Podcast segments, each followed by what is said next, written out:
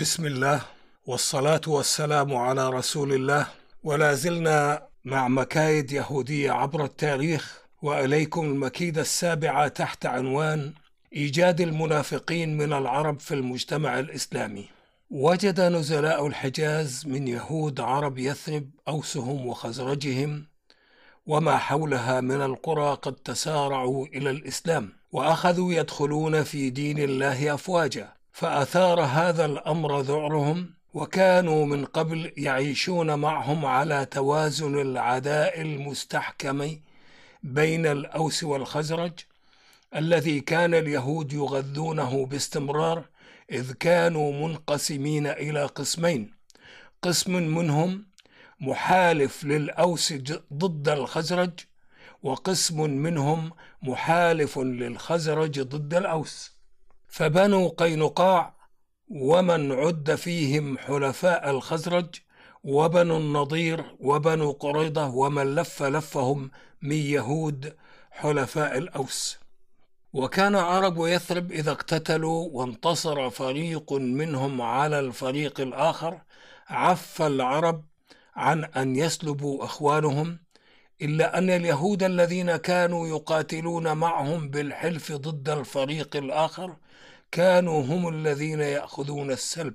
ومن أمثلة ذلك ما حدث في يوم بعاث وهو آخر أيام القتال الذي جرى بين الأوس والخزرج في الجاهلية قبل الإسلام. وقد انتصر فيه الأوس وحلفائهم من يهود بني قريضة وبني النضير على الخزرج وذلك أنه لما وضع الأوسيون السلاح في الخزرجيين وانتصروا عليهم انتصارا يملك منهم الإفناء صاح صائح يا معشر الأوس أحسنوا ولا تهلكوا إخوانكم فجوارهم خير من جوار الثعالب بين هلالين يعني اليهود. فاستجابوا للنداء وانتهوا عن إخوانهم ولم يسلبوهم وإنما سلبهم حلفاء الأوس من يهود بنو قريظة وبنو النضير.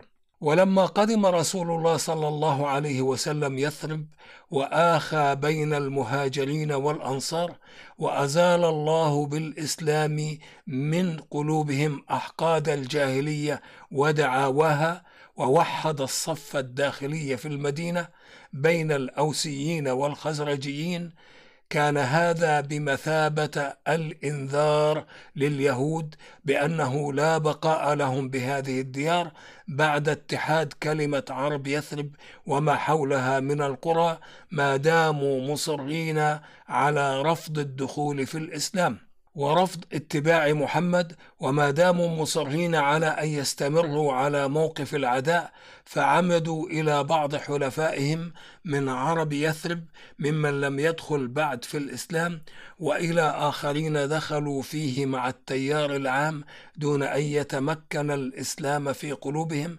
فجعلوا يوسوسون لهؤلاء وهؤلاء أن يكونوا مع المسلمين ظاهرا ليدفعوا عن أنفسهم نقمة إخوانهم أو عزلتهم عنهم بسبب كثرة من دخل في الإسلام من أهل المدينة وأن ينقلوا إليهم باستمرار ما يجري مع الرسول ومع المسلمين وصاروا يلتقون بهم في خلواتهم بعيدا عن مراقبة المسلمين الصادقين لهم. وبذلك استطاع اليهود أن يكونوا أو يكونوا حزبا مستورا من المنافقين من عرب يثرب مع بعض أفراد من يهود أسلموا نفاقا وصاروا يغذونهم بعوامل النفاق التي لهم فيها باع طويل.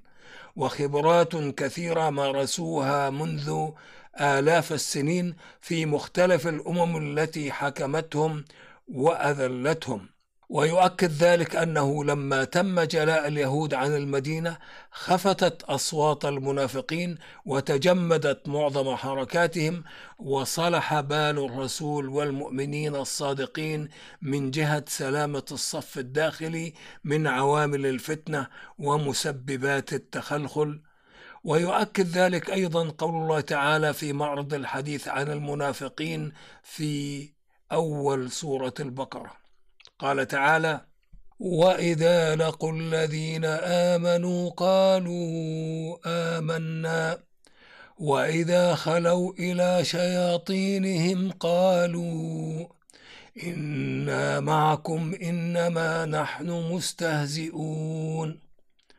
الله يستهزئ بهم ويمدهم في طغيانهم يعمهون. الآيتان الرابع عشر والخامس عشر من سورة البقرة. فشياطينهم الذين يخلون إليهم هم اليهود كما ذكر ذلك معظم أهل التفسير. وسماهم الله تعالى شياطين إشارة إلى تسويلاتهم ووساوسهم التي كانوا يوسوسون بها إلى المنافقين ويوصونهم فيها بما يقلق راحة الرسول والمؤمنين معه. ويصدع الصف الداخلي بوساوس الكفر ودسائس الفتنة ويوهن قوى المسلمين. وغرض اليهود أن يجعلوا من المنافقين جيشا داخليا معاديا للإسلام والمسلمين. ينخذل عن الرسول عند الأزمات الحاسمة كما فعل المنافقون في غزوة أحد. ويكون سندا لليهود متى تعرضوا لنقمة الرسول كما فعل رئيس المنافقين عبد الله بن أبي بن سلول يوم حاصر المسلمون بني قينقاع فقذف الله الرعب في قلوبهم فما استطاعوا الظهور ونزلوا على حكم الرسول فتقدم عبد الله بن أبي بن سلول وألح على الرسول أن يكف عنهم ويؤمنهم ففعل الرسول ذلك واكتفى بإجلائهم عن المدينة فذهبوا إلى الشام ونزلوا بأذرعات وفيها هلكوا. وبهذا نكون قد انتهينا من المكيدة السابعة ونستودعكم الله الذي لا تضيع ودائعه. والسلام عليكم ورحمة الله وبركاته.